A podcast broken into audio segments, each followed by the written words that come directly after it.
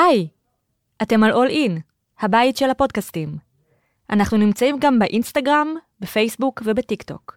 עקבו אחרינו לתכנים נוספים. נדלניסטה, לין שטיינר וחן הרשקוביץ, קהילת נשים מדברות נדל"ן ו-all in, הבית של הפודקאסטים. היי לין, היי חן. איזה כיף להיות כאן היום עם ניחוחות, הפעם של פורטוגל. וואו, חלום שלנו. איתנו כאן אה, נדלניסטה אה, מובילה ויקרה, הילה טפרברג ליבר. אה, הילה היא הבעלים של חברת ולוסיטי ויזמת ותיקה בפורטוגל, וספציפית בפורטו. היי הילה. היי, איזה כיף להיות כאן היום. ממש, אני אספר שככה את הילה פגשתי באמצעות הקהילה לפני משהו כמו ארבע שנים. אה, וככה ממש ניסיתי כל פעם שהיא בביקורים בארץ, לשבת, לראות פרויקטים, אנחנו ממש עוקבות אחרי העשייה שלה מקרוב כבר כמה שנים. גם לא עזבנו אותה בקורונה, הכרחנו אותה לעלות, אה, אני חושבת שזה היה בקורונה, נכון? נכון. בזום, היה גם יואו, בזמנו נכון. איזה מבצע נכון. אה, בישראל, וכל הטיול האחרון שלי בפורטוגל, הסתכלתי על החלונות, ישבתי מאחורייך, היה חלון מהמם. אירופאי כזה מיוחד עם מלא אור וכל הטיול שלי במלונות וזה היה לי כזה קפיצה של הזיכרון הזה שלך יושבת אה, בדירה או משרד עם תקרה גבוהה וחלון מושלם אז זה ככה רגע שליווה אותי. נכון, במשרד היפה שלנו. אז הילה אנחנו תמיד אוהבות לשמוע אה, אצל נשים בטח נשים שמובילות חברות מרתקות כמו שלכן. אה, תספרי קצת איך הגעת בכלל לעסוק בנדל"ן לעסוק בנדל"ן בפורטוגל איך הכל התחיל. איך הכל התחיל. אז אני, כמו שאתם יודעות, אני בכלל באה ממשפחה של יקב, יקב טפרברג, שזה בכלל יין. כל. החיים גדלתי לתוך יין, אה, וגם עבדתי כמה שנים ביקב, ובאמת במהלך התואר למדתי כלכלה תואר ראשון ומימון תואר שני, ותמיד נמשכתי לתחום הנדל"ן. אה, חקרתי, למדתי, וכשסיימתי את התואר השני שלי, החלטתי עם אה, ילדה קטנה בת אה, שנה, החלטתי שזהו, אני הולכת לתחום הנדל"ן, ובאמת אה, נתן בי הרבה אימון הבעלים של רימקס ישראל, והתחלתי לנהל לו את חברת ה- היזמות שלו, שזה היה באמת, כל הכבוד לו, שעודד נשים צעירות אימהות, באמת הוא היה אלוף שנתן את ההזדמנות הזאת, והתחלתי שם את החיים המקצועיים שלי בתחום הנדל"ן.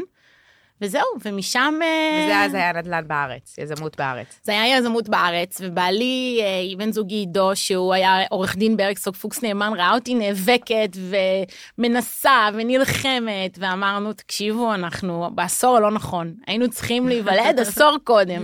כל אחד אומר את זה, אם...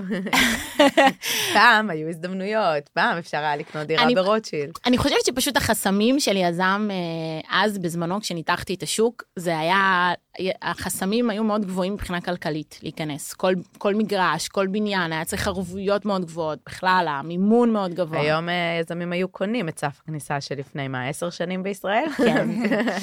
אז, אה, ובאמת אה, הגענו לפורטוגל דרך בן זוגי, שהתחלנו, אה, חיפשנו השקעה באירופה, אה, השקעה פרטית לנו.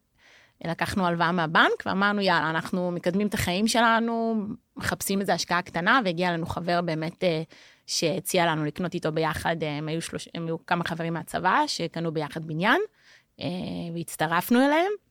עוד לפני שנסענו לשם, נתנו בו אימון בחבר הזה, ואמרנו, יאללה, אנחנו, אנחנו איתך, זה לא היה סכומים גדולים, איפה זה היה בפורטוגל? בפורטו.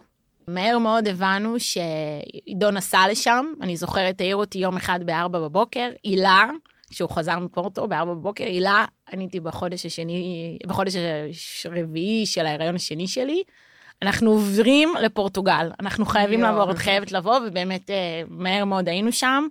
אה, אני חושבת שזה היה באפריל, באוגוסט כבר גרנו שם. מדהים. התחלנו את השנה, ילדתי שם את הבן השני שלי, ו...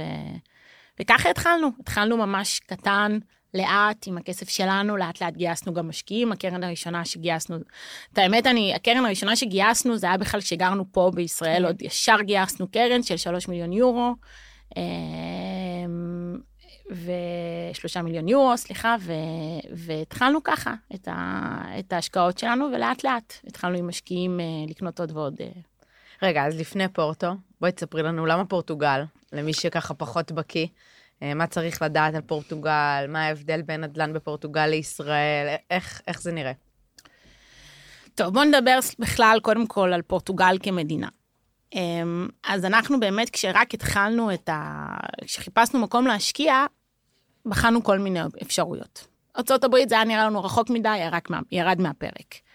אירופה, אה, בדקנו כל מיני אפשרויות. אז היה כמובן את יוון, והיה את גרמניה, והיה את, אה, את רומניה, והיה את... אה, הכל היה על הפרק, הכל היה פתוח, והתחלנו לאט לאט ללמוד את השווקים. אה, מהר מאוד הבנו שפורטוגל זה, זה הפוטנציאל. היום זה מצחיק, כשאני מוכרת דירות, או שיש לנו משקיעים שמדברים על פורטוגל, אז זה מאוד ברור לכולם שפורטוגל זה המקום. אבל אז בזמנו, לפני שש, לפני שש שנים, אנשים קצת הרימו גבה על מה פורטוגל, על מה ולמה, אה, מאיפה הבאתם את זה בכלל. אנחנו מצאנו מדינה, אה, הרי פורטוגל חטפה את המשבר הכלכלי שהתחיל ב-2008, היא נכנסה לחובות עצומים, ובאמת אה, היה לה מיתון מאוד מאוד קשה, אבל היא השכילה לצאת ממנו באופן מדהים. אה, באמת, המדיניות הכלכלית והאסטרטגיה של התיירות של המדינה הביאה תוצאות מדהימות תוך מספר שנים ספורות. בכלל, מ-2014 אתה רואה, רואים את פורטוגל בצמיחה מבחינת אה, משיכה של תיירות. הם השקיעו המון בתשתיות, אה, בכבישים, בגשרים, ברכבות. אה, זו מדינה אירופאית אה, מאוד מפותחת, גם אם אני משווה את זה למדינות אה, לגרמניה, או מבחינת תשתיות היא מדינה מדהימה. גם השקיעה בתשתיות, בשדות תעופה, משכה המון. אה, תיירים למדינה, אנחנו מרגישים את זה בישראל, את התיירות, פתאום כולם טסים לפורטוגל, פורטוגל על המפה. נכון. מי היה טס? אני זוכרת גם לא את התיירות הישראלית מרגישים שם, אתה הולך ברחובות, המון תיירים בכל אזור, גם באזורים מאוד מאוד אה, מרכזיים בליסבון ובפורטו, אבל גם כשיצאנו ככה מהערים, תיירים בכל מקום, מאוד מאוד אה, חמים, ומקבלים תיירים, מבינים ש...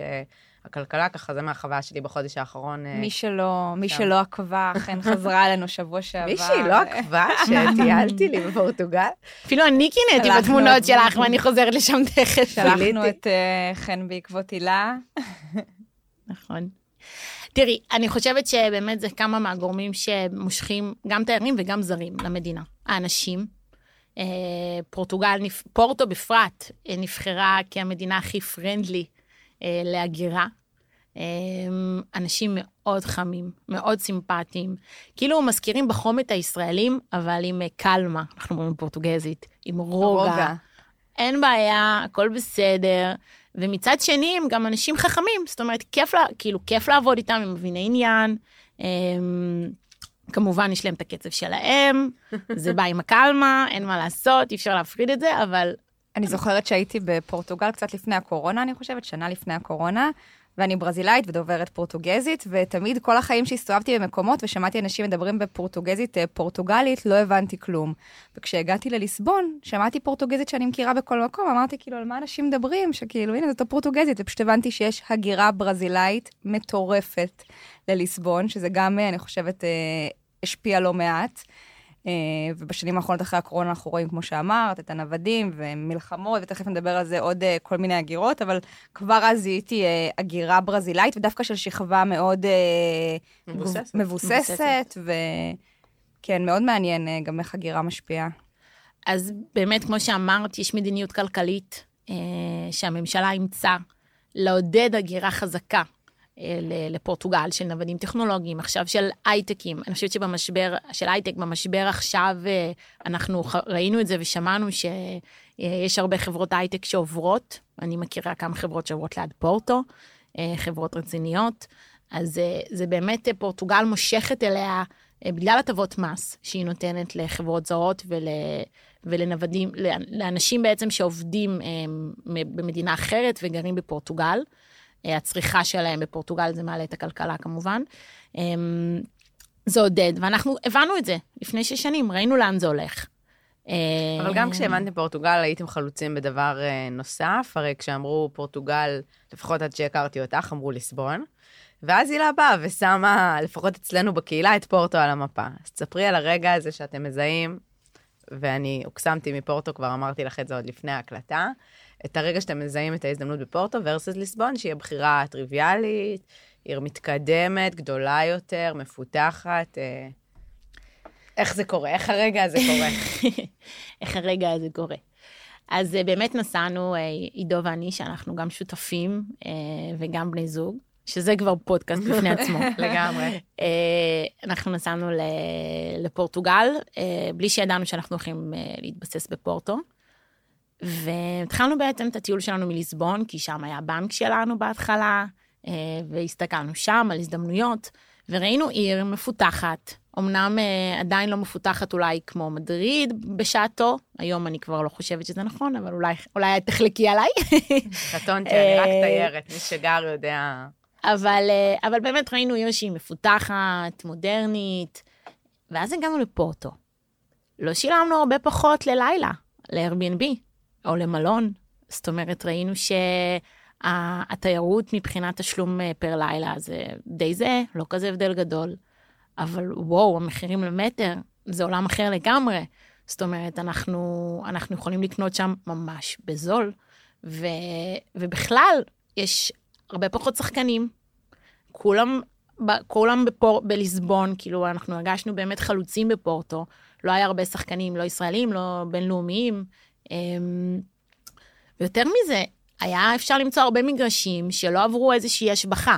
זאת אומרת, שלא, שהיינו קונים אותם מהבעלים ההיסטוריים, לא עברו השבחה תכנונית בעירייה. ובעצם ככה התחלנו לאט לאט להגדיל את ההון העצמי שלנו, וכמובן שחלק הלכו גם לבנייה, חלק מהבני... מהמגרשים שקנינו גם בנינו, אבל היה לנו אה, מה שנקרא בהגיה המקצועית פליפים. אה, היינו פשוט קונים מגרשים, עושים עליהם איזושהי השבחה תכנונית ומוכרים אה, ליזמים הבאים שמגיעים. והיה לנו יתרון בשוק, כי באמת הגענו כבר בין הראשונים, אז קנו מאיתנו גם הרבה יזמים ישראלים ויזמים זרים, אה, והיה לנו כבר קשרים מאוד טובים בעירייה והבנה. עידו כבר הוא חצי אדריכל, כבר קורא לכם תב"ע לארוחת בוקר, אבל ככה, ככה התחלנו, ו, ואני, שראיתי אותך בפורטו, מתייגת בתי קפה מודרניים ומסעדות, אמרתי לך, שמאוד הפתיעו אותי, יש לציין, כי לא בכל אה, פורטוגל נהניתי מכזאת, אה, מכאלה בתי קפה שמרגישים הייטקיסטים ותל אביבים, ובפורטו כן. הקפה היה טעים, והקהל היה מאוד מאוד מגניב, צעיר, הייטקיסטי, סטודנטיאלי, לא נעים להגיד, כמו שהבטחת. כמו שהבטחתי. אה, אז כן, לפני שש שנים לא היית מוצאת את זה. אוקיי, אז לפני שש שנים אמרנו באמת פערים מאוד מאוד גדולים אה, אה, במחיר למטר, ואי תחרות ועוד, אבל עברו שש שנים, וכמו שאנחנו מכירים, פורטו אה, התפתחה עד מאוד. אה, ואיפה זה היום? אם באמת אה, משקיעה מגיעה ומתלבטת אה, בין ליסבון לבין פורטו של היום, איך זה נראה? היום אה, אני חושבת שאנחנו, אנחנו הרי כל היום בוחנים ולומדים ומבינים פנינו לאן ומה החזון של החברה ומה האסטרטגיה הכי נוחה לנו, וכמובן שאסטרטגיות זה דבר שמטבעו צריך ברור. להתעדכן ולהשתנות. היום אני יכולה להגיד לך אה, שבאמת ה downtown אה, עוד יש עבודה, העיר העתיקה זה נקרא ככה ה downtown איפה שה center של התיירים. זה לא down, בעיקר עולים בעליות, אבל סבבה, תלוי מאיפה את באה. downtown, בדיוק. פעם את למעלה פעם את נכון, למטה כמו נכון, בחיים. נכון. אמ, אנחנו זיהינו בעצם אה, היום בפורטו, אה, זיהינו צורך, אה, לביקוש מאוד גדול לדיור, אה, גם למשפרי דיור, גם אה, לזרים. אני אספר לכם קצת ככה על התהליך של פורטו, איך זה התחיל. הדרך שאנחנו עברנו אה, היא לא כל כך שונה מהדרך של הרבה זרים, ובעצם הסיפור של פורטו. פורטו בעצם התחילה להתפתח מהתיירות. אז אה, גם כל ההטבות מס והטבות ליזמים התחילו מה, מהסנטר. אז בעצם אה, הם התחילו בעצם כל היזמים, גם המקומיים וגם הזרים, התחילו להשקיע שם, אה, לקנות, לשפץ. זה יצר מצב שרוב הדירות הלכו ל-Airbnb. באמת רק עכשיו יש איזשהו, אנחנו נדבר על זה גם על ההגבלות של Airbnb, אבל היה איזשהו, בעצם אה, היה צורך מאוד גדול במיטות בחדרים ולתיירות, ובעצם סיפקו את הסחורה. והזניחו המון שנים את המשפרי דיור. כלכלה התפתחה, המשכורות עלו, אנשים מתפתחים, אין להם לאן לעבור. וגם כשבונים להם, הקבלנים המקומיים, לא נעים לי להגיד, אז הם לא מבינים עברית, אבל לא, לא מודרני כמו שאנחנו מכירים. נשארו ב, פף, בשנות ה-40 עם המטבח הסגור בחדר, עם הכל מאוד מיושן, אה, אז זאת אומרת, גם אם, גם אם אתה כבר, המשכורת שלך עולה ואתה מתפתח מבחינה כלכלית כמשפחה, אין לך אלטרנטיבה לאן לעבור. את מדברת על המשפחות המקומיות, ונגיד על מהגרים שבחרו לחיות שם. אז אני מדברת על המשפחות המ- המקומיות, אנחנו לא ציפינו את ההגירה הזאת של הזרים ואת הביקוש של הזרים שיהיה. בתי ספר שנפתחים, ואנחנו לא ציפינו את זה. אבל, אה, אבל הבנו את הצורך בעצם של שוק מגורים למשפרי דיור, לא ל mass market, זאת אומרת, לא לדירות קבלן בהמונים, זה כן יש ואפשר למצוא. אמ, וזה הפרויקטים שאנחנו עושים. אנחנו עושים פרויקט, פרויק, פרויקטי בוטיק מיוחדים, יפים, שאני הייתי רוצה לגור בהם, בכל אחד מהם. זה בדיוק המשפט שאלמוג ואני אמרנו, נכנסנו לאחד הפרויקטים שסיימתם, שנשארה בו לדעתי דירה אחרונה או שתיים לא מכורות, אה, דירת כן. גן. נכנסנו, ואז אלמוג אמר לי, אה, למה לא אמרת שזו דירה שאנחנו יכולים לגור בה? זה ממש המשפט הראשון שיוצא לו מהפה, והוא בן אדם אה, ביקורתי לכל הדעות. אה, אני מסכימה, גם באזור מגניב, וגם אה, דירה שממש יכולתי לדמיין אותה בכל מקום בארץ, ושהייתי רוצה לגור בה, וכמחמאה אני אומרת את זה, כאילו, דירה שבש... טובה בארץ. בשנים האחרונות, אה, אני וכן ישבנו באמת, אה, אני לא אגזים, עם עשרות יזמים. כל אנחנו אומרות עשרות, עברנו מזמן את העשרות, עשרות בגבוה. עברנו את המאה. כן. אה, בכל מיני אה, שווקים בעולם, ככה לומדות, בשביל הקהילה, בשביל עצמנו, אה, השקעות וכו', ואני חושבת שדווקא אה, מה שמאוד אה, משך אותנו בלעקוב אחרי העשייה שלך במשך השנים, ובייחודיות הזאת, שהרבה יזמים ישראלים בעצם, אה, לא כולם, אבל הרבה מהם יוזמים אה, בחו"ל פרויקטים שמאוד אה, אה, בהסתכלות של השקעה. זאת אומרת, אה, דירות קטנות, הרבה פעמים פרויקטים עם הרבה מאוד דירות, אה, ופה יש דווקא איזושהי ייחודיות. א', שאת באמת, שזה לא דירות להשקעה, אלא זה דירות למגורים, למקומיים, שזה משהו שהוא מאוד מאוד אה, חזק לה, גם ללונג רן. אה, וגם באמת הביצוע, איכות גם, הבנייה, גם, גם איכות. הבנייה, ואני חושבת שגם הפרויקטים הספציפיים אה, שאת בוחרת, צריך לספרי עליהם יותר, אבל אני וכן תמיד ככה מחפשות איזה משהו שהוא, שהוא שונה, כי, כי גם בשווקים, אנחנו מכירים בשנים האחרונות בעיקר אה, שווקים עולים, אה, אבל, אה, אבל כש, כשיש יותר אתגרים ושאנחנו נמצאים בתקופות יותר קשות, אז דווקא אני חושבת שהפרויקטי נדל"ן שיש להם איזשהו שוני, איזושהי ייחודיות, הם ה... זה מאוד נכון מה שאת אומרת, כי כשבנינו באמת גם פרויקטים שעשינו, בהתחלה גם שקנינו ומכרנו בעיר העתיקה, אז אין לך הרבה מקום ליצירתיות בהם. כאילו דווקא הפרויקט שאת כן ראית, היה הרבה מקום ליצירתיות, ליצירתיות כי השארנו רק את החזית, הפסאד, והרסנו את הכל מבפנים, ו- ובנינו, אז יכלנו יותר להתפרע. אבל בבניינים באמת, בעיר העתיקה, זה היה יותר שימור, והיה צריך לשמר את ה... ואנחנו תמיד שואלים את השאלה, למה אנחנו?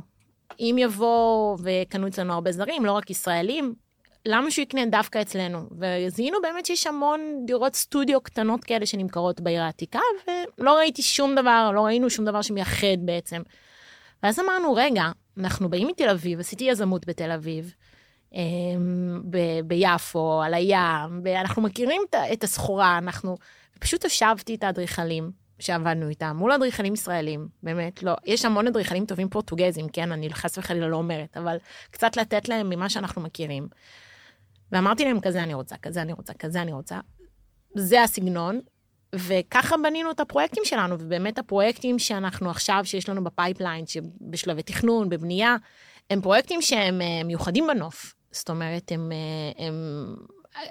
אני מאמינה שאנחנו נותנים ערך נוסף ומכבדים גם את הסביבה של הפורטוגזית, זאת אומרת, אנחנו לא נעשה איזה פרויקט שהוא לא מתאים לסביבה הפורטוגזית, אבל הם נותנים באמת added value למי שגר שם.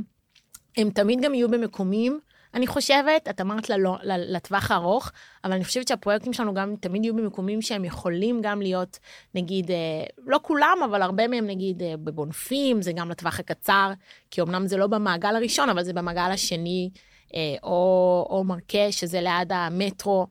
אה, או אבל קמפניה שאנחנו, אנחנו גם מאוד חשוב לנו לקנות בשכונות שמתפתחות. זאת אומרת, לא מעניין אותנו לקנות רק בשכונה שכבר הגיעה לשיא שלה ואנחנו עכשיו קונים. אנחנו חיים שם, אנחנו נושמים את זה. אנחנו תמיד מזהים איפה הפוטנציאל הבא, איפה הפלורנטין שהיה לפני, אה, לא יודעת, עשר שנים, 12 שנה. אה, איפה זה? לאן זה הולך? איפה יש את הבתי קפה המגניבים? לאן כל המגניבים יוצאים בלילה? הזכרת פה. קצת, אמרת אה, הריסה, אמרת שימור, אה, אז תספרי לנו ככה יותר אה, ברמה הנדל"נית על סוג הפרויקטים שאתם לוקחים, ו... וגם על הכיף של לעשות את זה בפורטוגל versus פה, או על החסרונות. בוא נהיה אותנטיים, יש גם חסרונות אה, בבירוקרטיה בפורטוגל, אז... אה, כן, כן. אה, אז קצת לספר על הסוג פרויקטים שאנחנו עושים. היום אנחנו עושים פרויקטים אה, של בנייה. אנחנו כבר אה, הבנו, זה קצת מזכיר פה את התמ"א 1 ואת התמ"א 2, זאת אומרת, אנחנו... גם הם הבינו. כן, בדיוק. אתה לא יודע, אתה יודע איפה אתה מתחיל, אתה יודע איפה אתה מסיים, versus uh, אתה יודע איפה אתה מתחיל ואיפה זה נגמר בשימור ובשיפוץ. אז אנחנו באמת היום קונים יותר מגרשים. אמ, או בתים ישנים להריסה. או בתים, כן, סיים סיים, מבחינתי אם יש על זה בתים ישנים, אנחנו גם מקבצים בדרך כלל כמה, כדי שזה יהיה יותר נפח, כדי שנוכל לעשות דברים יותר יצירתיים. אמ, יש לנו עכשיו את הפרויקט בבונפים נגיד, שזה פרויקט שלקחנו כמה, כאילו כמה, יש שם כמה בתים להריסה, פינתי. אה, אנחנו עושים שם חדר כושר, עושים שם חניות לחלק מה, מהדירות, לדירות הגדולות יותר. אז אה, זה היום הסוג פרויקטים שאנחנו עושים. בשכונות מתפתחות, שאנחנו מאמינים בהם. אמ, אנחנו רוצים שמי שיקנה מאיתנו, הוא יהיה בעצם איזשהו, אתם כל הזמן בקהילה, אז יהיה איזה קהילה של ולוסיטי, שמי שקונה מאיתנו ידע שהוא יכול, אה, שהוא הדירה, הערך של הדירה שלו תעלה, והוא יבוא איתנו לפרויקט הבא. אה, בין אם הוא ישיר או בין אם הוא ימכור, אה, וזה סוג הפרויקטים שאנחנו מחפשים. ולגבי היזמות אה, בפורטוגל versus ישראל. קודם כל אני מאמינה, כי עשיתי, גם הייתי, גרתי בפורטוגל ועשיתי עדיין את היזמות, החברה שלי עדיין עבדה ועשיתי את היזמות בישראל, סיוט. Don't do that, לא, לא מומלץ בכלל. וגם ההפך, את האמת, אני גם לא מבינה איך אפשר לגור בישראל ולעשות יזמות בפורטוגל. זה בלתי אפשרי בעיניי, לא להיות על הקו, לא להיות... אמ, אנחנו חייבים, חייבים לגור שם, חייבים לגור שם, חייבים להיות על זה. מסכימה. יש לנו, אני חושבת שתמי פלוצר שטרית בזמנו, שהיא כתבה את הסרט הדיברות להשקעה עוד אה, ככה בתחילת הדרך של הקהילה, שהן מלוות אה, כל מיני פוסטים אה, ונשים בקהילה. אחד הדברים שאנחנו תמיד אומרות לנדלניסטות בקהילה, זה תשקיעו רק עם יזמים, שאחד שמושקעים איתך, זה כלל טוב, זה נכון. אינטרסים, ושתיים שנמצאים עם זיקה אמיתית במקום, עם היכרות עמוקה, עם שותף מקומי, לא משנה מה המודל, יכולים להיות מספר מודלים לנוכחות הזאת, אבל זה יתרון אדיר, בטח שאתם גרים שם, בטח שאתם מוכרים. במקרה שלכם אתם גם היום סוג של מוכרים לקהל שדומה לכם לפחות בשימושים, אנחנו מדברים על אה, קהל למשל של לטווח ארוך, של משפחות, משפחות צעירות, של זוגות צעירים. אה, ישר כשדיברתי איתך, ידעת להגיד לי על החינוך באזור ועל כל דבר שמשפיע, והוא גם משפיע על נדל"ן, וזה סופר סופר קריטי. אה, בעינינו, אבל עוד קצת, עוד קצת על אה, פורטוגל. כיף שם, אה, הדברים זזים מהר, הדברים זזים לאט. מה האתגרים? תספרי לנו קצת כן, אתגרים. קצת אתגרים. לא יכולים אוקיי, לספר רק לא, לא אפי אפי הכל, לא. אז, אה, כן, יש אתגרים ויש אה, חסרונות, ברור. אה, קודם כל, אה, אין בהם את היזמות, אוקיי? בוא נתחיל בזה. אז זה- זה לטוב ולרע, כאילו, אנחנו יכולים למצוא שם את ההזדמנויות וזה, אבל מצד שני, גם מאוד מאוד קשה להזיז דברים. אנחנו, אנחנו דופקים על החלון ונכנסת, אנחנו ממש כאילו דופקים על הדלת, ואם לא נכנסים מהחלון ונלחמים, וזה הרבה מלחמות, אוקיי? זה לא... קובעים איתך אנשי מקצוע ולא באים, אה, ואתה צריך אה, לז'נגל ולדעת מאיפה עושים, ובוא נגיד שערך העבודה זה לא במקום העליון אצלהם. אני גם לא יכולה להגיד שהם, שהם הם עצלנים חס וחלילה, ממש לא. מנטליות. כן. המנטליות מאוד שונה והכל בסדר. אולי כדאי שנלמד קצת work-life balance. תראי, אני לא, אני, אני חושבת שכן, זה נכון, יש לנו הרבה מה ללמוד בהם, כאילו, ברוגע, אבל מצד שני גם זה מאוד קשה לעבוד ככה. צריך, אה, צריך ללחוץ עליהם, צריך להיות כל יום שם, ובאתרי בנייה, ובעירייה. בעירייה כבר יודעים, מכירים אותי, שאני, אותי ואת אה, את העובדים בחברה, שאנחנו כל הזמן מתקשרים ומציקים. אמ, אין מה לעשות, זה הדרך לעבוד שם. צריך להיות על זה לגמרי. זה חיסרון. אה, זה לא קל, זה לא פשוט, לפעמים אני תולשת לעצמי שערות קצת מרוב ה... אבל, אה, אבל זה המצב. ואיך עידו אומר לי הרבה פעמים, את לא לא תשני אותם. את בחרת לבוא למדינה שלהם. אותם את לא תשני, את צריכה לכבד את זה ולעבוד, לנסות הכי טוב שלנו במסגרת, כאילו מה ש... לכבד את התרבות שלהם. ונכון, לפעמים אני שוכחת את זה, אני מודה. לפעמים מרוב שאני רוצה שדברים יהיו מהירים, אה, אנחנו שוכחים. אבל אני מזכירה לעצמי שאני באתי לשם, ואני אורחת שלהם, כמה שאני כבר שם כן. כן. חמש ומשהו שנים, בסופו של דבר אנחנו כן. אורחים שלהם, ואנחנו לא נשנה אותם, זה מה שהם מכירים, ברור. וצריך לעבוד עם זה. כן. אבל אה, תראו, מבחינת, אה, מבחינת בירוקרטיה והכל. אני חושבת שבסופו של דבר, שזה גם משהו שבאמת, אה, אם נחזור לשאלה למה פורטוגל, זה השפיע עליי גם להשקיע בפורטוגל. פורטוגל היא מדינה מאוד בטוחה, מאוד יציבה, ראינו את זה פה היום, שכאילו כבר דירוגי אשראי, ו... המערכת משפט שם אה, עובדת, אמנם נכון, לאט, אבל אני חושבת שבהשוואה לישראל זה לא, לא, לא יודעת אם זה נקרא לאט, אבל המערכת משפט שם אמינה, הדמוקרטיה יציבה, אה, הכלכלה יציבה, אני שמעתי הרבה כלכלנים שמדברים מה הולך לקרות עם המיתון, אז אה, פורטוגל היא סוג של מפ, מקום מפלט. אה, גם אה, צלחה טוב את הקורונה. בהקשר הזה. צלחה מדהים את הקורונה. היא ערכה את המשחקי כדורגל, בגלל שהיא צלחה כל כך טוב בפורטו ובליסבון. אה, אחרי הקורונה הייתה, אני לא בקיאה בשמות המקצועיים, אבל אני אגיד לכם, זה, זה פורטוגל היום, אני ממש מרגישה את זה, את ההגירה ההמונית ש, שבאה לשם. אני חושבת שאחרי הקורונה, זה התחיל, זה התחיל עם הקורונה. בקורונה אנשים הרגישו שהם באמת אה, יכולים לגור בפורטוגל ולעבוד דרך המחשב, וזה איכות חיים, וזו מדינה זולה יחסית, וזה אירופה, וזה קרוב להכל. אמ, אז אנשים הרגישו באמת התחיל ההגירה. המשיך, המשיכה ההגירה המונית אחרי המלחמה, אוקיי? היה את המלחמה.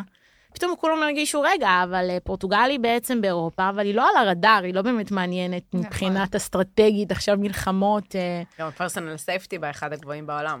אחד הגבוהים בעולם. אז רגע, אז אני רוצה שנייה, כאילו דיברנו, אני חושבת שנגענו בשני נושאים, גם אה, בנעלי היזם בפורטוגל ובפורטו, וגם או קצת יותר טוב בנעלי נעלי היזמת. היזמת, וגם כן. בנ... שהם בנע- לא כל כך מכירים את זה דרך אגב, אני חושבת שאני בין היחידות. אולי וואו. פגש... אתה יודע, אני לא יודעת אם פגשתי אפילו. לא רק שם, בכל מקום.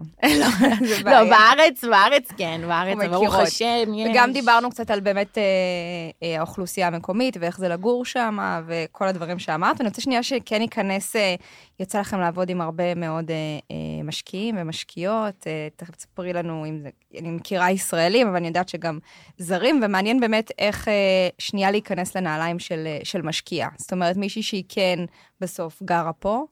אה, והיא לא מתכוונת אה, לגור, למרות שיש לנו הרבה בקהילה, אנחנו שומעות כאלה שמחפשות גם אה, מתעניינות אה, לצורך רילוקיישן, אבל זה כבר סיפור אחר. נהירת הוצאת האז- האזרחויות אה, כן, הזרות. כן, נכון. אבל באמת, איך זה נראה באמת אה, אה, למשקיע מכאן? החל ממה זה אומר להשקיע שם, מבחינת אה, בירוקרטיה, מבחינה אולי ככה, אנחנו לא ממש ניכנס עכשיו למשפטי וכו', אבל כן קצת, אה, אם את יכולה לשפוך לנו יותר אה, אור על, אה, על תהליך כזה. אז באמת הרבה אוהבים להשקיע בפורטוגל, לא רק מישראל דרך אגב, יש אה, בארצות הברית זה נהיה יעד מאוד אטרקטיבי, אה, גם לעבור וגם להשקיע.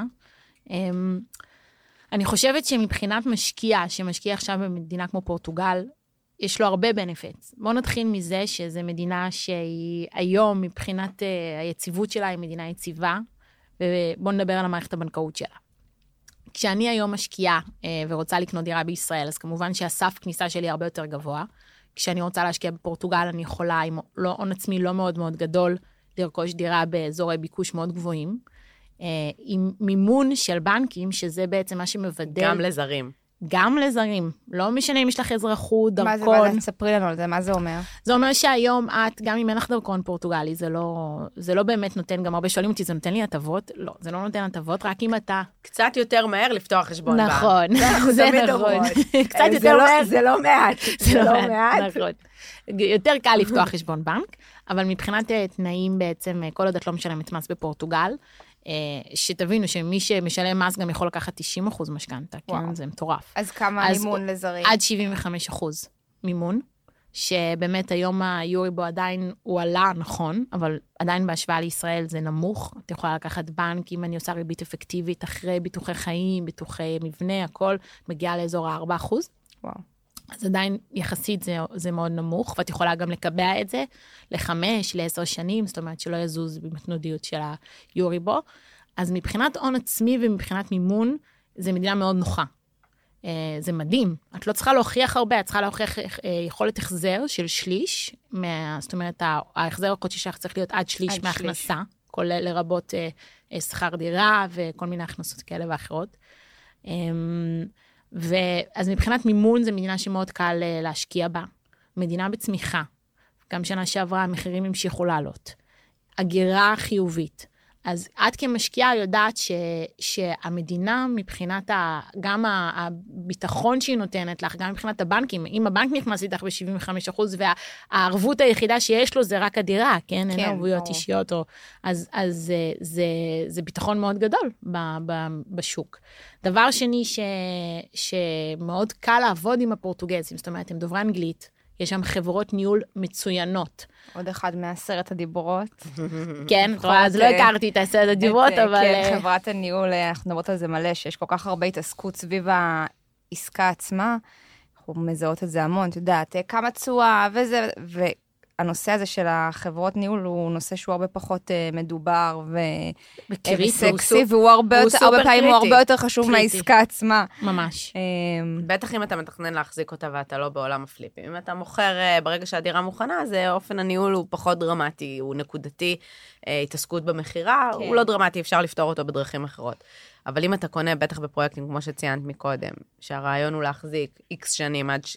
ככל וזה מתאים לך, ככל וזה נכון בשוק, אז uh, התשואה השוטפת שלך מאוד מושפעת מאיך טיפלת במזגן שהתקלקל, והוא מתקלקל, לא, לא רק יעבדו עליך, כי באמת קורים דברים, לא בהכרח בדירות חדשות, אבל בכל דבר, או שפתאום אה, יש באיזושהי בעיה לדייר, או צריך להחליף דיירים, או דברים שקורים כל הזמן, בטח אם זה טווח קצר, שיש המון ניהול בטווח קצר, אה, אז זה סופר קריטי. אז בזמנו סיפרת קצת, אני זוכרת שככה במשך השנים, כל פעם סיפרת, אני חושבת שגם היה איזשהו שינוי בחקיקה, או, אבל באמת כל ההתייחסות של אה, שכירות אה, קצרת טווח, אה, Airbnb וכו', לעומת אה, שכירויות אה, ארוכות טווח.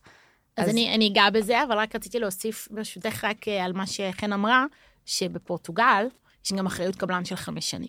Mm, אז רוב הדברים, כן, רוב מדהים. הדברים זה תחת אחריות של הקבלן, שזה הטבה מדהימה. אה, והם מתקנים מאוד מהר, והקבלנים שאנחנו עובדים איתם, שזה חשוב גם לדעת כמובן עם איזה קבלן. לעבוד, אבל הקבלנים שאנחנו עובדים איתם הם מקומיים והם חברות רציניות, אז זה, זה משהו שהוא סופר חשוב. הרבה פעמים גם כשעושים עסקה עם יזם, צריך לדעת שהיזם גם בחר את הקבלן הנכון. כי אני יכולה להגיד לכם שאנחנו לא בוחרים את הקבלן הכי זול במכרז קבלנים שלנו. אנחנו בוחרים... איתנות פיננסית, וזה שלו מאוד חשוב. איתנות פיננסית, גמרים, יכולות ביצוע, זאת אומרת, כל כך הרבה דברים חשובים בדבר הזה, אמ, ש, שמי שקונה בעצם צריך לסמוך על היזם שהוא לא מנסה לחסוך ולהרוויח את הגרוש. אנחנו, בסופו של דבר, החברה שלנו פה היא ללונג, טרם. אנחנו רצים לטווח ארוך. אנחנו חברה שאני יודעת שאנחנו אה, נעשה עוד הרבה פרויקטים בעתיד, ואם מישהו שקנה ממני עכשיו לא ירצה לרכוש ממני בעתיד, אז מבחינתי לא עשיתי את ה... זה, זה לא העסקה שרציתי, גם אם הרווחתי בה. אז זה משהו שמאוד מאוד חשוב. אמ, וזהו, לגבי טווח קצר וטווח ארוך, בואו ניגע קצת בנושאים האלה. אמ, אז באמת בפורטו היום אה, עדיין ההגבלה, ממש עכשיו צריך לצאת החוקים הסופיים, אבל אנחנו כן יודעים שיהיה הגבלות מסוימות אה, בשכונות מסוימות. אה, יש כל מיני דרכים, כל מיני הקלות, כמו אם הבניין היה ריק בשלוש שנים הקודמות, או אני לא זוכרת אם זה שנתיים או שלוש, אבל, ולא גרו שם, אז זה כן יהיה אפשר, וזה כל הבניין בשלמותו. יש כל מיני הקלות בעניין הזה, ובאמת כשקונים בעיר העתיקה צריך לבדוק אם זה חלק מה, מההגבלות או לא, ואם כן, אה, אם האם אפשר לעשות שם Airbnb. אמ, זה בעצם כי נוצר, אמ, נוצר אה, ביקוש מאוד גדול של זרים שמגיעים ושל מקומיים לשכירויות, ואין היצע, ארוכות טווח, כן. אין היצע. מid-term, גם ארוכות וגם קצרות, פשוט אין דירות. קצרות, אה, כן, אני עכשיו מגיעה לשלושה חודשים, חצי שנה, אין, פשוט אין, לה- אין מקום, אין מקומות. אני רואה, יש לנו בניין שאנחנו משכירים, ואחד יוצא, אחד נכנס. זאת אומרת, הבניין, וכל פעם המחירים רק עולים ועולים ועולים. אה, שזה הגיע כבר למחירים שאני מדברת איתך, אנחנו משכירים, אה, כמובן שזה דירות ברמה מאוד גבוהה, כן, אפשר להשיג גם פחות, אבל דירות של דירת שתי חדרים, זאת אומרת, סלון וחדר שינה, ב-1,800 יורו. אחד ב-1,600, מרפסת ב-1,800, עם, עם ריהוט והכול, אז זה כבר עולה, וזה רק הולך ועולה, כי אין היצע. אז בעצם אה, פורטו עצרה את הסיפור הזה, קצת הרגיע, ואמרה בואו נעשה הגבלות. וברמה המיסויית? ברמה המיסויית, אה, נתחיל ונגיד שאנחנו לא ממליצים כלום במיסוי, לכו לעורך דין כן. או עורכת דין מתאימים. נכון. אוקיי. אחרי שאמרנו את זה, קודם כל, רק להגיד לך, אבל לגבי המעגלים, שיש נגיד בבונפים, איפה שאנחנו, אמ, הפרויקט שלנו, נגיד שם לא הגבילו, אז הם רוצים לעודד גם את הסקנד רינג. Mm, דווקא להוציא קצת את התיירות. כן, זה אה, חלק כן. מהיתרונות של בונפים. נכון, להוציא קצת את התיירות לבחוץ, כי יש שם בעצם מערכת מטרו מאוד טובה ומאוד נוחה, ואין בעצם סיבה, גם כשאת היום באה למדריד ואת ישנה שם, את יכולה ללכת לשכונות מגניבות, ויש לזה דווקא את היתרונות שלו, אמ, לדירות Airbnb, ו, ובעצם זה המטרה של העירייה. ולגבי לגבי מיסוי, אז כמו, כמו שבעצם חן אמרה, אנחנו, אני לא מייעצת, אה, יש הבדלים היום אה, גדולים בין מיסוי לטווח קצר למיסוי לטווח ארוך. אמ, יש הטבות מס מאוד גדולות לטווח קצר. אה, אבל גם המיטרם, נגיד אם אתה משכיר לחצי שנה, הטבות מס, ל- לטווח קצר, כן? כן. זה קצת אה, דיסוננס, לא? אה, כן, אני חושבת שהם צריכים אה, לעדכן את זה. יד ימין לא תפתח, הם פועלים לזה. אנחנו מכירים את זה, אבל מישראל זה גם, גם פה יש חוקים שלא עושים שכל בתמרוץ שלהם. כן, תראו, גם, גם ליזמים עדיין, ההטבות מס הגדולות הן עדיין באזורי ארו, שזה שכונות, זאת אומרת, זה לא, הפריפ... לא הפריפריה יותר. מפותחות כמו. כן, אני מניחה שהם יעדכנו את זה, דברים שם, כמו שאמרתי, לוקחים קצת יותר זמן.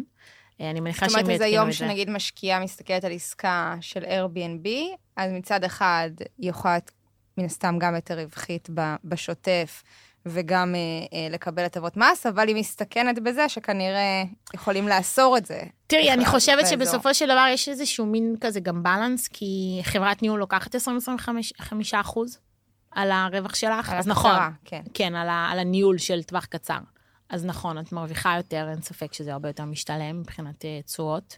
את מרוויחה יותר, חברת ניהול לוקחת על זה את האחוזים שלה, בלאי אבל יותר גבוה. בלאי יותר גבוה. אולי, התעסקות, אה, את חשופה לחשיפות של תיירות, אה, זה יותר דינמי מסוחר. תראו, היום מה שהכי כדא- כדאי לעשות בפורטו לטעמי, זה המיד-טרם, זה הטווח ביניים. זה פשוט, יש כל כך הרבה משפחות שמגיעות, וכל כך הרבה זרים ונוודים, כל- הגירה המונית שפשוט מחפשת דירות, אפילו אם את מזכירה לחצי שנה, ארבעה חודשים, זאת אומרת, לרהט את הדירה, אז זה לעשות... כן נותן איזשהו יתרון, שזאת אומרת אפשר לגבות מחיר יותר גבוה מהלונג טרם, אבל בכל זאת יש כן איזושהי יציבות וודאות, ו... יש יציבות, הניהול הוא, הוא, הוא יותר אה, נמוך. אה, את יכולה להיות ממוסה, כמובן זה לא ייעוץ מס, אבל אני חושבת שאפשר להכיר את זה גם כטווח קצר, זאת אומרת, Mm. טווח קצר זה לא רק אה, ללילה או שניים, אה, כל עוד יש תחלופה, ו... וכן, זה, זה איזשהו נישה שאני חושבת שה... וגם, את יודעת מה, גם אם את עושה חוזה לשנה, ואת גם ממוסה בטווח ארוך, כן. המחירים שאת לוקחת על דירות את ה-added value שאת לוקחת, כי פשוט כולם נותנים את הדירות שלהם לטווח קצר, ומאוד מאוד קשה למצוא את ה... אני חושבת שזה נישה, הזה. נישה שעולה, כן, עולה, ויש הרבה אנשים שמגיעים עם הרבה כסף שהם רוצים לשלם על דירה כזאת, שהיא מרועטת ונותנת להם איזשהו שקט נפשי. עוד משהו ככה ש... רגע, נגיד במילה שנייה לגבי מיסוי, שלישראל יש אמנת מס עם פורטוגל, ומכאן באמת תיקחו את זה לעורכת דין אה, למיסוי. מיסוי הוא עניין פרסונלי, הוא תלוי בהכנסות שלכם, תלוי בהמון אה, אה, פרמטרים, ועם תכנון טוב, אה, בטח בהשקעות בחו"ל אפשר אה, לייצר כל מיני תוצאות, אבל זהו, קחו את זה מפה. יש איזו סוגיה ככה ששמעתי עליה כבר מכמה אה, חברות קהילה, גם אני נתקלתי בה שהייתי וגם חן, באמת אה, כל העניין של, אה, הלוואי והיה לנו את זה פה, בתל אביב, של אה, נכסים אה, ריקים או לא בשימוש. תספרי לנו על זה קצת, על התופעה הזאת. אז תראי, כשאני הייתי בפורטו, ושמעתי על כל הבלאגן שיש היה בישראל, את יודעת, את כל הזמן במאקו, בוויינט, וזה, פותחת את הכל, וכשאני הגעתי לפה, פתאום לא הרגשתי את זה כל כך. אז את דיברת איתי על זה, ושראיתי את זה גם שהנשים שואלות, אבל באמת שם לא, זה לא משהו שנתקלנו, כן היה עכשיו איזושהי חקיקה בנושא הזה, היה קצת אה, דיבורים על זה, אבל זה לא איזה משהו שקורה. כעיקרון, אה, ל... המדיניות, שזה כן היה לנו בבניינים, אוקיי? כיזם בעיר, ה- בעיר העתיקה, במקומות שהם חשובים, העירייה היא ממש אה, על, ה... על הסיפור של הבניינים, זאת אומרת, היא רוצה שיהיה התחדשות, הבניינים הם מאוד עתיקים, הם הולכים ומתפוררים, אז היא יכולה לחייב, והיא גם הוציאה לנו הרבה פעמים אה, איזשהו צווים, אנחנו תמיד שיפצנו, או דאגנו לפני, גם אם זה לא היה השיפוץ הגדול, לתקן, אבל היא יכולה לבוא ולהכריח בעצם את ה... את היזם לצאת לאיזושהי פעולה של השבחה של הנכס. אה, אז קודם כל מדובר... זה על בניינים ישנים את מדברת כן, רגע. כן. אז קודם כל מדובר על, אה, על יזמים. אז מי שכשמשקיע כמשקיעה, זה לא ממש רלוונטי, כי, כי באמת מדברים על מגרשים, על בניינים שהם בשלמותם, שהעירייה יכולה לעודד יז, בעלים היסטוריים, או למכור ליזם, או לשפץ בעצמה, אוקיי? שזה חשוב. מידע, בצד, בצד השני, וזה קצת מזכיר את מה שהיה לנו בארץ, אני זוכרת, אני ירושלמית במקור, ואני זוכרת שהיה את כל הדירות רפאים במושבה, וזה, זאת אומרת, היינו אומרים, וואי, הזרים האלה שקונים את כל הנדלן המדהים הזה, והכל עם חלונות מוגפים אה, ברחביה. וזה נורא עצבן אותנו, ואני מבינה את זה, וזה גם נורא מעצבן אותם. אה, כל הבתים השניים, כל הדירות שנשארות ריקות, זאת אומרת, אה, אנחנו ישראלים, אז אנחנו לא נשאיר דירה ריקה אפילו לא ליום. נכון. אבל כל מיני אמריקאים, ולא יודעת, זרים אחרים שקונים, ואומרים, זה דירת נופש שלי, אני אבוא אליה פעם ב... והכל בסדר, וגם אם היא לא תעשה, העיקר שאף אחד לא יגור לי בה. אמ, אז המדינה רוצה להילחם בזה, והיא לא רוצה את זה, וזה מזכיר את מה שהיה לנו פה. ואם הדירה תהיה ריקה, אז על זה היה כל המהומה לאחרונה בפורטוגל, אם הדירה תהיה ריקה, גם לטווח קצר וגם לטווח ארוך, המדינה בעצם יכולה להכריח, אה, לה- להוציא אותה לשוק השכירות, בגלל שיש כל כך חוסר בהיצע. אני חושבת שזה פחות ישפיע, קודם כל, אה, אני אה, מחזקת את מה שאמרת, הרגשתי את זה גם בשטח כזה, משיחות אה, ברחוב עם אנשים שמחזיקים דירות, וזה חשש שעולה מהם. זה באמת פחות ישפיע על אנשים שרוצים להשביח, להשכיר את הדירה שלהם, למכור אותה או להשכיר אותה לטווח ארוך, ולכן לפחות ב-DNA שלנו אה, כמשקיעות זה לא אמור לפגוש אותנו, אבל זה בהחלט חשוב כשמשקיעים ומחליטים להשקיע בכל שוק, להכיר את כל האתגרים שלו, וגם את זה, אז תודה על האינפוט. אני לא מאמינה שהשעון אה, מתקדם ככה, ושעוד רגע נגמר לנו הזמן. אז אה, ככה בא לי לשאול אותך לסיום, לין, יש לך אה, מה שתרצי? אוקיי. בא לי לשאול אותך אה, לסיום, מה היא צריכה לספר במשפט למישהי? למה להצטרף אלייך להשקעה בפורטו? מה הוא היה? וואו, אוקיי. אמ, קודם כל, אנחנו אוהבים את מה שאנחנו עושים. אז כבר, אנחנו מאמינים במה שאנחנו עושים. אנחנו לפעמים אומרים שאנחנו משק... אנחנו בעצם אה, חברת השקעות למביני עניין. אנחנו לא ב mass market, אנחנו לא... אנחנו מיוחדים בנוף. זאת אומרת, מי שישקיע איתנו, אנחנו, אנחנו באמת מאמינים שיהיה לו מוצר, שיהיה ייחודי, שהוא יהיה מהמם. באמת, אני מסרתי מפתחות לאיזה ישראלי שבא לפני כמה זמן, ואני הייתי כל כך נרגשת, כי הוא אמר, זה מהמם, ואני מתרגש. אמרתי לו, אני מתרגשת יותר ממך, כי אני עבדתי על זה כל כך הרבה זמן, ואני רואה אותך כאן, ובאמת זה חשוב לנו. אנחנו, אנחנו אז, אז, וגם שהוא אומר, ואת לא מתבאסת שקניתי ממך כל כך בזול? אמרתי לו, לא, להפך, אני, אני, תראה, לא אגיד שזה לא צובט לי באיזשהו מקום אחורי, אבל לא, כי אתה תקנה ממני שוב, ואני יודעת שאתה תקנה, אתה תבוא איתנו עוד פעם, ולהפך, הדירה שלך עלתה, ואני אני שמחה בשבילך, כי אתה, אנחנו, זהו, התחלנו איזושהי שותפות. אז מי שמצטרף אלינו, אנחנו, שידע שהוא בא לשותפות ארוכה, אה, לא לסטוץ, ו, ושיהיה לו דירה מדהימה בסופו של דבר, ואנחנו אמינים, זה ברור, זה goes without say, אני לא יודעת, אולי צריך להגיד את זה, כי אנשים פה לא מכירים אותנו, אבל... אה, ואנחנו אוהבים את מה שאנחנו עושים, אנחנו עושים את זה באמת מתוך אהבה. איזה אה, כיף. זה ויש אחלה יענו פה. נספר ש... יש אחלה, חשוב. אחלה יין. לך זה חשוב. נספר שאנחנו אה, צריכות לשחרר פה את הילה, כי ממש עוד כמה שעות אה, ספורות עולה על מטוס חזרה לפורטו. מבינה את המסירות אליכם? ולצערנו אנחנו לא איתה במטוס. לגמרי, אבל בקרוב אנחנו נבוא לבקר. המון תודה, הילה. המון תודה. אני מחכה לכם, אתם הבטחתם ביקור נכון. בקרוב. לא צריכה לבקש הרבה. היינו בפורטו, היה כיף, ולא היינו בהרכב הנכון. נכון, אז לין, לין. היו עגלות בטעות, הם לא יבואו שוב. אז אני לא יכולה להעלים את העגלות שם, אבל, אה, אבל אנחנו בהחלט אה, נפנה הרבה זמן ואנחנו מחכים לכם, ו... וזהו, תודה שהערכתם אותי כאן. תודה לך, הילה. נסיעה טובה. אז לכל אה, מי שמתעניינת להעמיק את הידע שלה בפורטוגל ומאזינה לנו, יש עוד הרבה תכנים בנושא הזה, כמובן אה, בקהילה, ויאללה, שיהיה בכיף. ייי.